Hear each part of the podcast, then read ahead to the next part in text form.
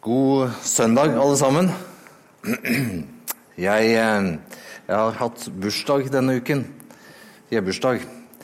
Jeg hadde egentlig ikke venta at noen skulle komme med kake i år, siden jeg stakk av fra kaka i fjor, da jeg ble 50.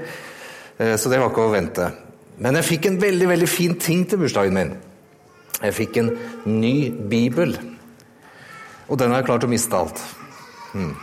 Det er surrehue. Men jeg er fantastisk glad i Bibelen. Fantastisk glad, Jeg må jo finne igjen en plass i salen eller et plass hjemme. Jeg er, jeg er veldig veldig glad i Bibelen, for det er Guds åpenbarte sannhet til oss. Og et møte som dette også, det må være, det må være Guds sannhet som taler. Det er den ene betingelsen. Ikke det at eh, hvert ord som kommer ut av min munn, er sånn at det er Guds ord. Det er ikke det, men jeg må tale som Guds ord. Det er det ene betingelsen. Og den andre betingelsen er det at du må åpne ditt hjerte. Så kan Gud møte oss, og Gud velsigne oss gjennom sitt ord. Det er min, min bønn eh, for i dag. Vi har, som, som, som, Henrik sa, så har, vi, så har, vi, vært inne i denne møteserien en stund, og det er mange som, som har kommet med tilbakemeldinger om det, og det er vi veldig glad for. Alle, alle tilbakemeldinger er nyttige for oss. mye, mye, positivt som har kommet, og det er kjekt. Og så håper vi å fortsette å utvikle oss. Eh, i det med å sitte på fars fang, bare to ord om det, det gir oss kanskje litt forskjellige assosiasjoner. Litt forskjellige minner som dukker opp i hodet, kanskje. Eh, for noen, mange av dere har hatt en god far hvor det var godt å komme på fanget. Gud er mye bedre enn selv den beste far. Og så er det noen som kanskje ikke har de beste minnene fra, fra far sitt fang. Og Gud er helt annerledes. Han som elsker oss med en evig kjærlighet. På hans sitt fang er det godt å sitte for oss alle, alltid.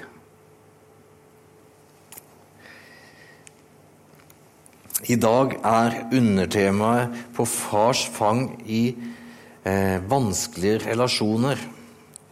Og det er det mye av.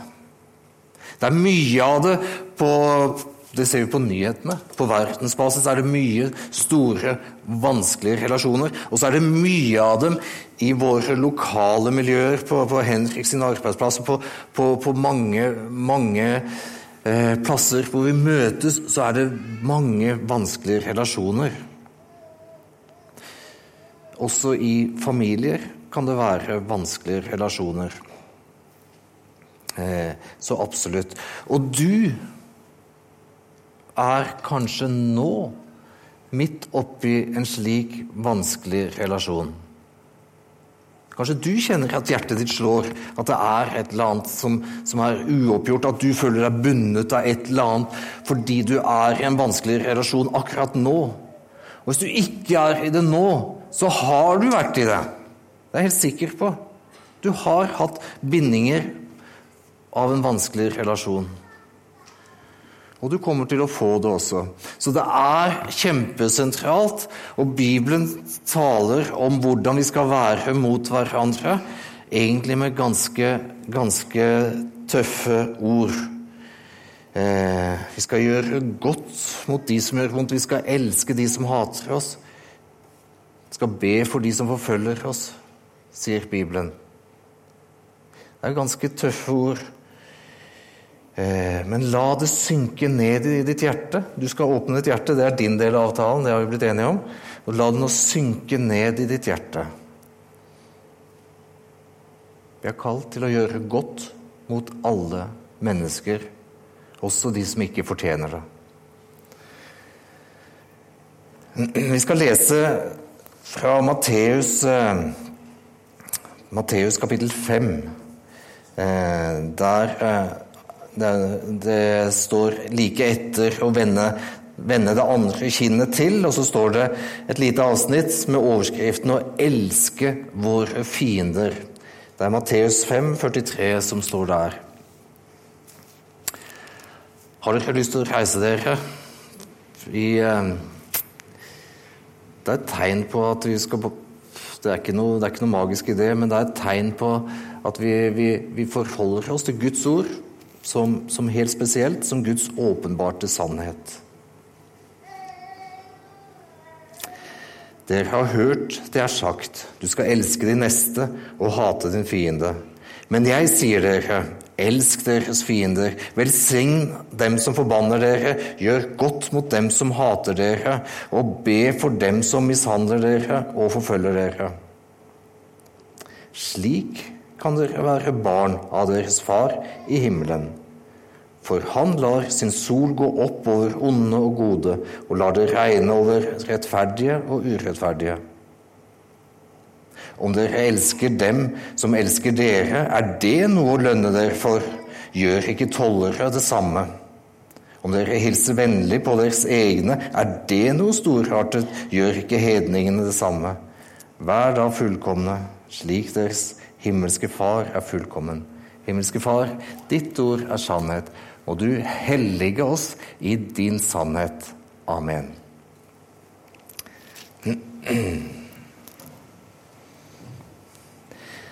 Det er, det er, ganske tøffe ord, og jeg håper det synker inn som litt tøffe ord. At du virkelig tar det til deg. At det er et påbud fra Gud. Et imperativ. Det er ikke sånn at du, det er flott hvis du er snill mot alle. Nei, det står du skal være snill mot alle. Du skal være god mot alle. Du skal elske dine fiender. Det er ganske tøffe, tøffe ord. Eh, jeg håper, jeg håper dere har eh, tillit nok til meg. Eh, at jeg forsøker å være ærlig med at livet ikke alltid er like lett. Og jeg veit at det er mange her som har, har hatt et mye tøffere liv, hatt relasjoner som har vært mye tøffere, mye vanskeligere. Det kan være snakk om veldig stygge ting andre mennesker kan ha gjort mot deg. Eh, og det er ikke lett å leve etter disse ordene. Å elske sin neste. Å elske sin fiende. Jeg håper dere har tillit til meg. Og jeg veit at uh, forkynnelse er én ting. det det kan være noe ganske annet. Det kan hende at ikke du blir møtt gjennom min forkynnelse. Det kan hende at du må som jeg, eh, jeg i fjor høst, når jeg trengte å få faglig hjelp Jeg fikk fra, fra Øystein Elgen. Eh, kanskje du, må, du også har behov for det. Men jeg ønsker i forkynnelse ikke å være blind for at livet er vanskelig. Samtidig så ønsker jeg å være klar i min forkynnelse at hvis Jesus sier noe, så sier han det. Så skal jeg si det samme som Jesus. Og han sier du skal elske din, neste, din ikke bare din neste, men også din fiende. Jeg håper dere kjenner på den nerven, at jeg ikke overkjører dere med, med, med, påbud som liksom er så enkle, for jeg veit det ikke er så enkelt, og jeg veit at mange har det vanskeligere enn meg i så måte. Men jeg håper du tar det til deg. Og jeg håper også at du får hjelp hvis du trenger det, til å komme ut av en relasjon som trykker deg ned, som binder deg fast som et spindelvev. Gud vil at vi skal løses opp ifra det. Og Gud vil det, ikke minst med disse ordene som vi nettopp leste i dagens tekst. Med å ikke hate de som har gjort vondt mot oss, men rett og slett å elske dem. Ja, Det står til og med at i teksten at vi skal elske våre fiender for at vi kan være barn av vår far. Det er satt fram som en betingelse. Vi skal elske sånn at vi kan være barn av vår far. Jesus kom med en herlighet full av nåde og sannhet. Han kom ikke bare med nåde, men han kom også med sannhet. Teksten i dag om å elske våre fiender, det er en del av den sannheten som Jesus kom med til oss. Sannheten som han har bestemt, som han har vist oss, er det beste livet. Jesus sier her, 'Dere har hørt det er sagt, men jeg sier dere' Jesus kommer med, med, en sannhet om hvordan vi skal leve. At han kommer med den sannheten, det er alvorlig. Ikke en sannhet om hvordan vi kan leve, men som sagt en sannhet om hvordan vi skal leve. Det er Ikke, du kan elske dine fiender, du kan be for de som forfølger deg. Og det er bra. Nei, du skal elske, står det. Bibelen har to hovedavsnitt, eller to helt sentrale avsnitt, som forteller om hvordan vi skal leve. Et avsnitt i Gamletestamentet og et avsnitt i Det nye testamentet. I Gamletestamentet så er det de ti bud. Det er helt sentralt for hvordan vi skal leve. I Det nye testamentet så er det denne talen som Jesus holder på fjellet som vi kaller verkprekenen, som er i Matteus kapittel 5, 6 og 7. Eh, helt sentralt om hvordan, hvordan vi skal leve, den sannheten som Jesus eh, kommer til oss med. Det begynner med 'salig er de fattige i ånden'. Eh, min gresklærer på Fjellhaug trodde at det var de psykisk utviklingshemmede. Det er det ikke. Det er hver og en som trenger Jesus de er salige. Det er det det betyr. Så står det også 'salige er de som skaper fred', for de skal kalles Guds barn. Det står det også i de saligprisningene. Det er veldig to the point av dagens tale. Å skape fred ved å elske dine fiender. Salige er de. Det begynner talen med. Så slutter den med at er du smart, så bygger du ikke ditt hus på sand. Det vil bare dette ned. Vi kjenner fortellingen. Er du smart, så hører du ikke bare disse ordene, men du gjør det. Du skal ikke bare høre at du skal elske din fiende, men du skal leve etter det. Da er du smart. Da bygger du ikke huset ditt på sand. Det er rammen rundt denne helt sentrale fortellingen, eller helt sentrale avsnitt i Bibelen om hvordan vi skal leve. Det mest sentrale delen om hvordan vi skal leve i hele Det nye testamentet. Denne, denne eh, dagens tekst er, er, en viktig del av, av, hvordan vi skal leve. og For å få enda mer forståelse for det, så skal jeg ta, gå innom en annen del av, av, denne talen som Jesus holdt. De ordene som vi kan mest av alt. Som er når Jesus skulle lære oss å be. Når dere ber, så skal dere ikke ramse opp veldig mange ord, sånn som hedningene gjør, og tror de blir hørt av det. Nei, når dere ber, så ber dere Fader vår, eller Vår Far i himmelen. Og i den bønnen, i Herrens bønn, så er det spesielt en setning som går rett inn i dette. Tilgi oss vår skyld, som vi òg tilgir våre skyldnere. Det er sentralt for å elske sine fiender. Å tilgi våre skyldnere. Jesus sier med klare ord igjen og Dette skal vi komme tilbake til. Det blir en helhet etter hvert, håper jeg. Men det her, enn så lenge, så er det en betingelse. Tilgi, så skal du få tilgivelse. Elsk dine fiender, så er du barn av Gud, som vi leste i dagens tekst. Eh, tilgivelse er jo helt, helt sentralt i Bibelen. Eh, den, vi er tilgitt ved å tro på Jesus. Halleluja. Eh, den enkelte av oss er avhengig av det. Ikke enkelte av oss, men den enkelte av oss er avhengig av tilgivelsen fra Gud. Den enkelte. Du har gjort dine ting, og jeg har gjort mine ting. Kanskje, kanskje du til og med har gjort ting som er eh, Som har gjort, lagd sår i andre menneskers liv, sånn at de fortsatt går med de arrene fra, fra de sårene som du har lagd. Eller kanskje du har sår i ditt hjerte for det andre har gjort mot deg. Synd er alvorlig. Synd ødelegger relasjoner. Synd gjør relasjoner vanskelige. Vi trenger så inderlig tilgivelse. Eh, heldigvis så er det ikke sånn at Jesus kom og sa at 'kanskje jeg kan tilgi din synd'. Nei, han har lovet å tilgi. Er vi troløse, så er han trofast, fordi han kan ikke fornekte seg selv. Det er ikke noe sånn 'kanskje så skal han tilgi'. Og det er faktisk heller ikke slik at 'kanskje så skal vi tilgi'.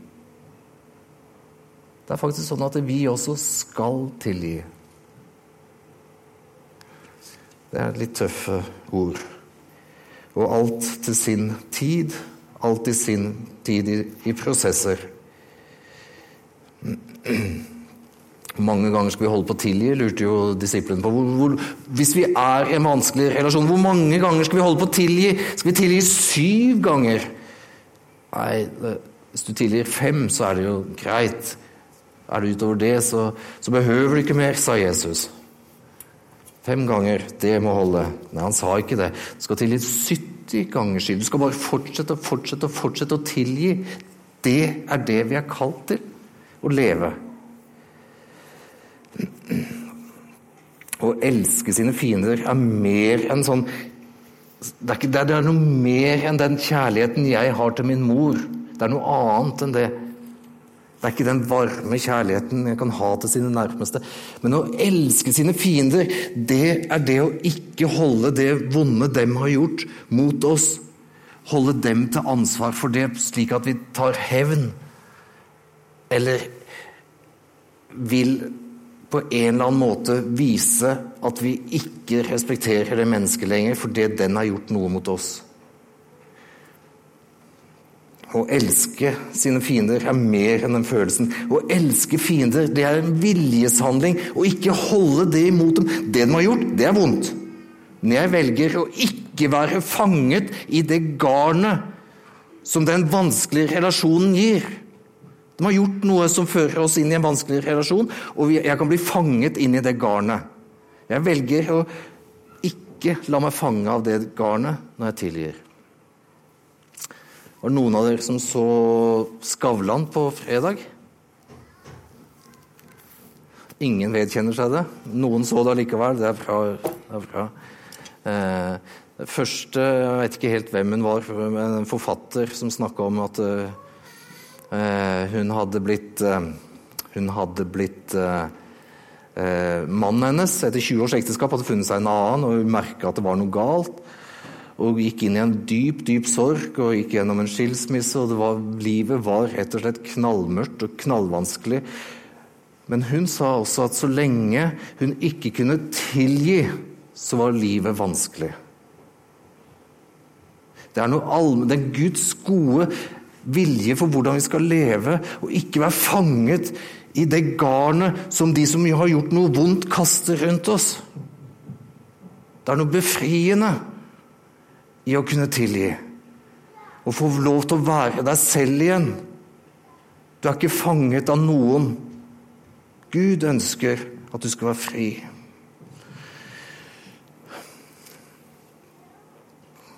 Jesus gir disse bud, for han vet hva som er best. Han lar solen gå opp over både gode og onde.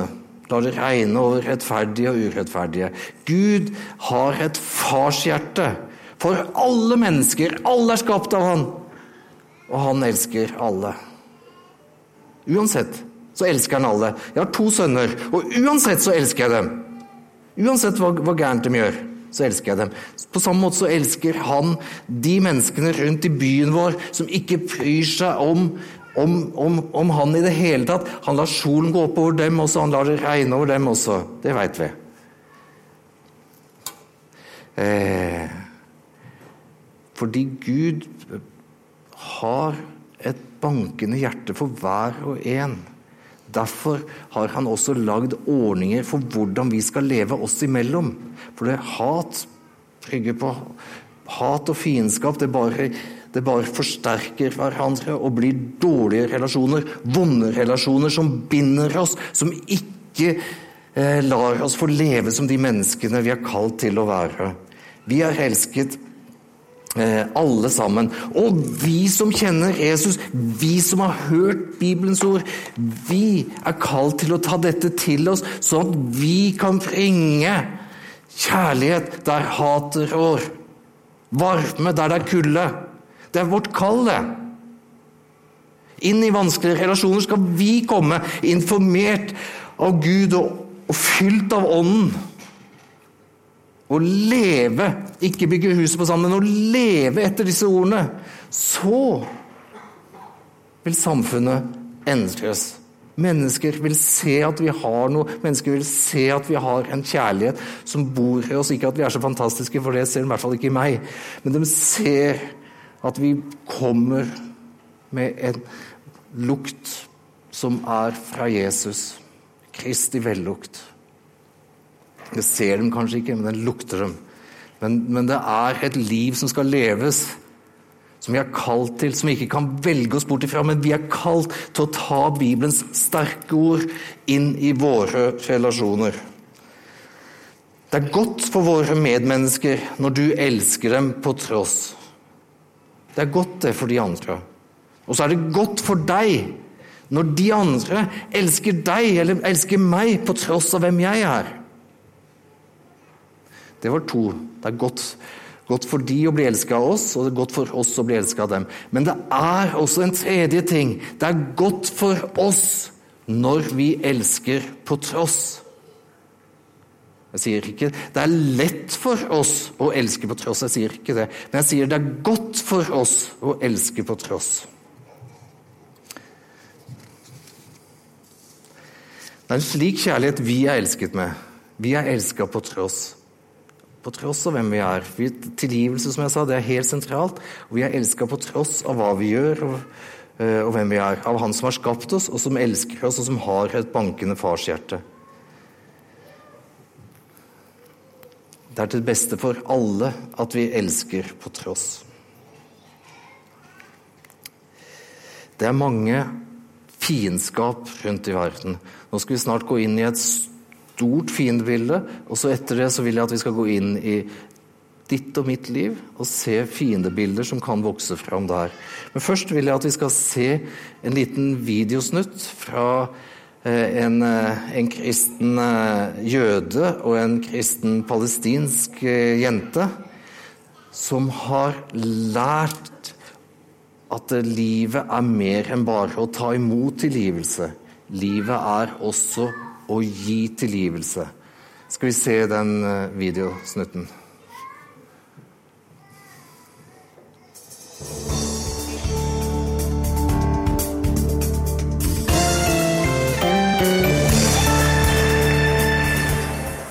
There is room only for us to live in this land, to be free, to exist without you. This is what my world teaches. However, two million Palestinians, including myself, challenge this divide because, on the one hand, we are a part of the Palestinian people, yet on the other hand, we hold Israeli citizenship. 10% of us are Christian among a majority of Palestinian of Muslim Palestinians.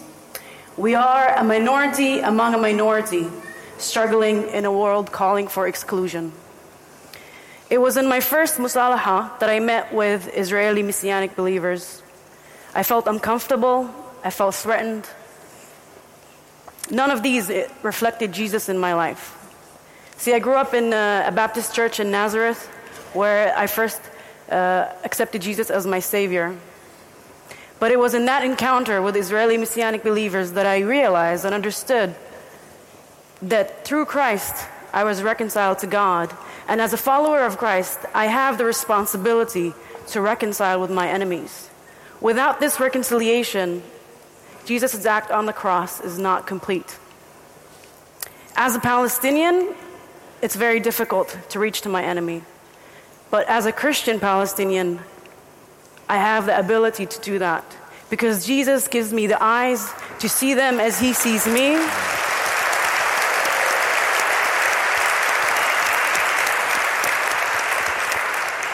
Jesus gives me the confidence to go against my society. He gives me the power to embrace them. Today, when I meet Israeli Messianic believers, I feel close, I feel comfortable, and most importantly, I feel I'm home. This realization has impacted my life that I've decided to dedicate my life to the work of Musalaha, to pursue and promote reconciliation between Israelis and Palestinians. Because in the Messiah, there is room for all of us. He calls us to be one family. And reconciliation has changed me. Reconciliation changes my enemy. And only then can we become the greatest witness, the living stones. And only then can reconciliation change those around us.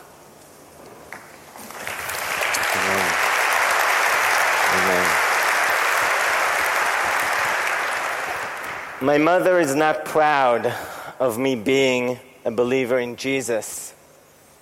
And my father would be outraged if he knew that I was standing here before you next to a Palestinian.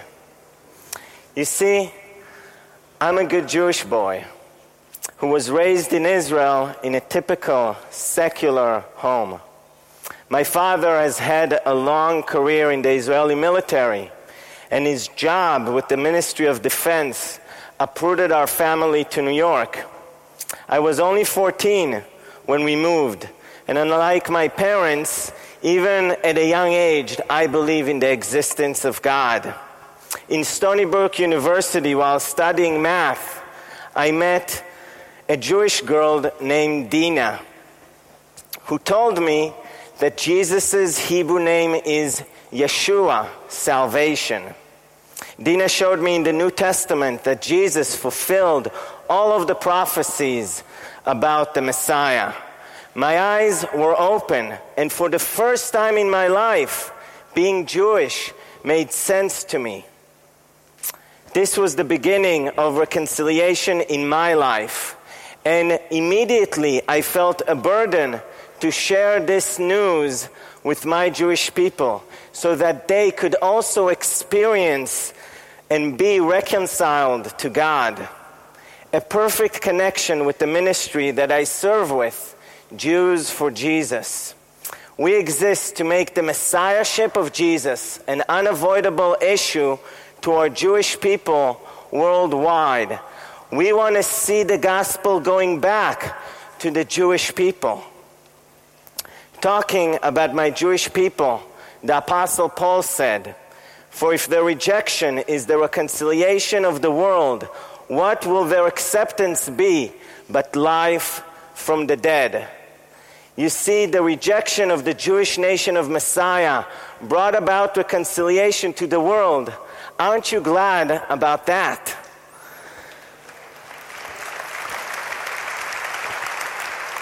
Today, living in the land of Israel, an unreached nation which is hostile to the gospel, makes me realize the reconciling power of the gospel.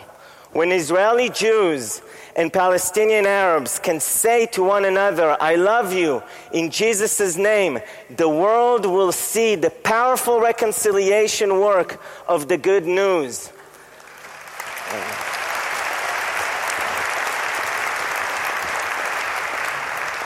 The only hope for peace for the Middle East is truly Jesus. Pray for the peace of Jerusalem and salvation for all the people of Israel.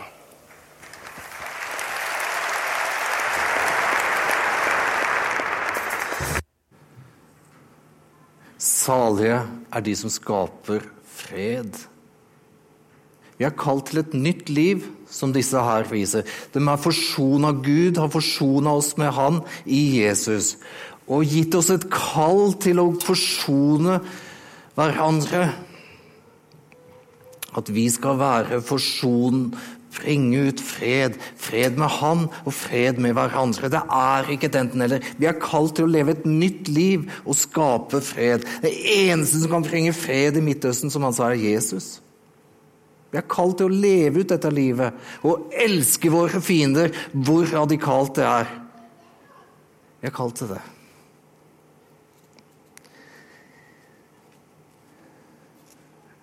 Å elske sine fiender gir seg også utslag på andre nivåer. På våre nære nivåer, våre nære relasjoner. Hvordan kan Guds kjærlighet være i oss hvis vi går rundt og hater andre mennesker? Det er kjempealvorlig. Jeg veit om kristne institusjoner hvor det sendes hatmailer, hvor du ønsker de andre til helvete. Jeg veit om bedehus som har vært i krig, hvor det er personer i det bedehuset som har vært i fiendskap i årtier. Jeg veit om mange kristne familier som har blitt ødelagt pga. at de ikke lever etter dette. De bygger huset på sand. Du skal elske din neste. Du skal elske din fiende.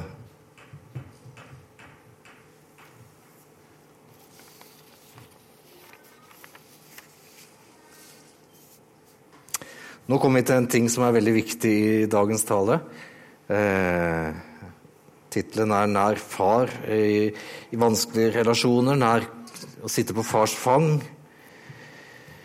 Eh, teksten har jeg sagt flere ganger nå, er bydende. Det står at du skal, for at vi kan være Guds barn, så skal vi elske. Tilgi, så skal du bli tilgitt. Vi skal gjøre det. Det er ikke, det er ikke, det er ikke noe som er fint, men vi skal gjøre det.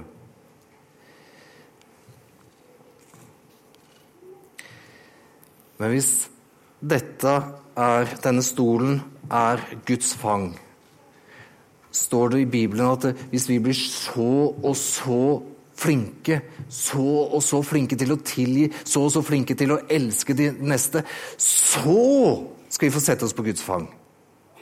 Står det det i Bibelen? Det står som en betingelse at vi skal gjøre det.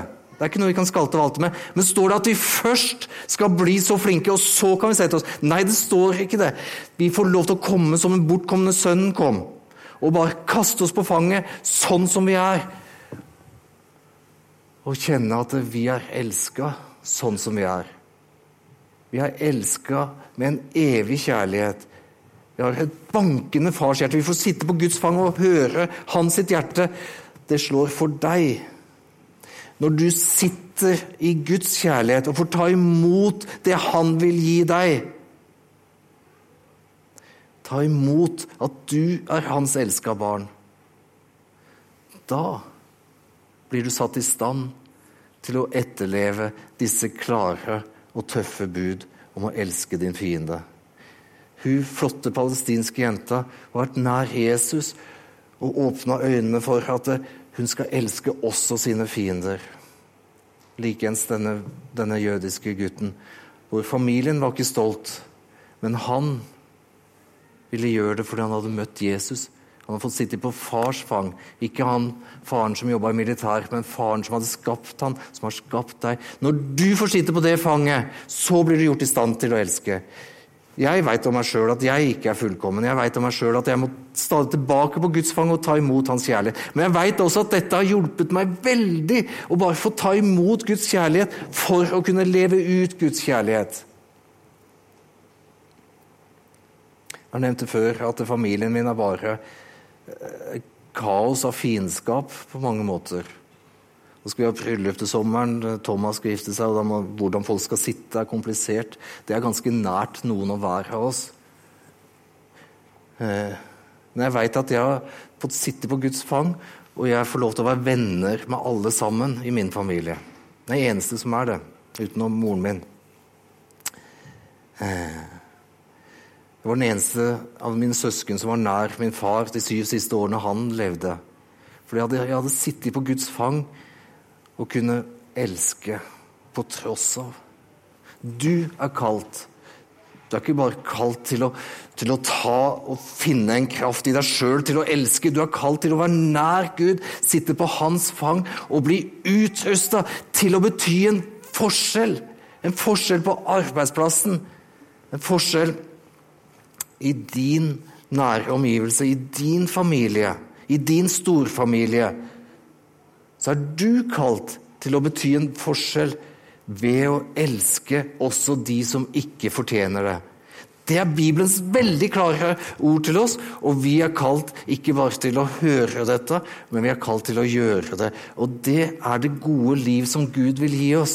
Han sier ikke dette for, for han vil oss vondt, han sier det for han vil oss godt. Både oss godt og alle andre mennesker som solen går oppover, vil han godt.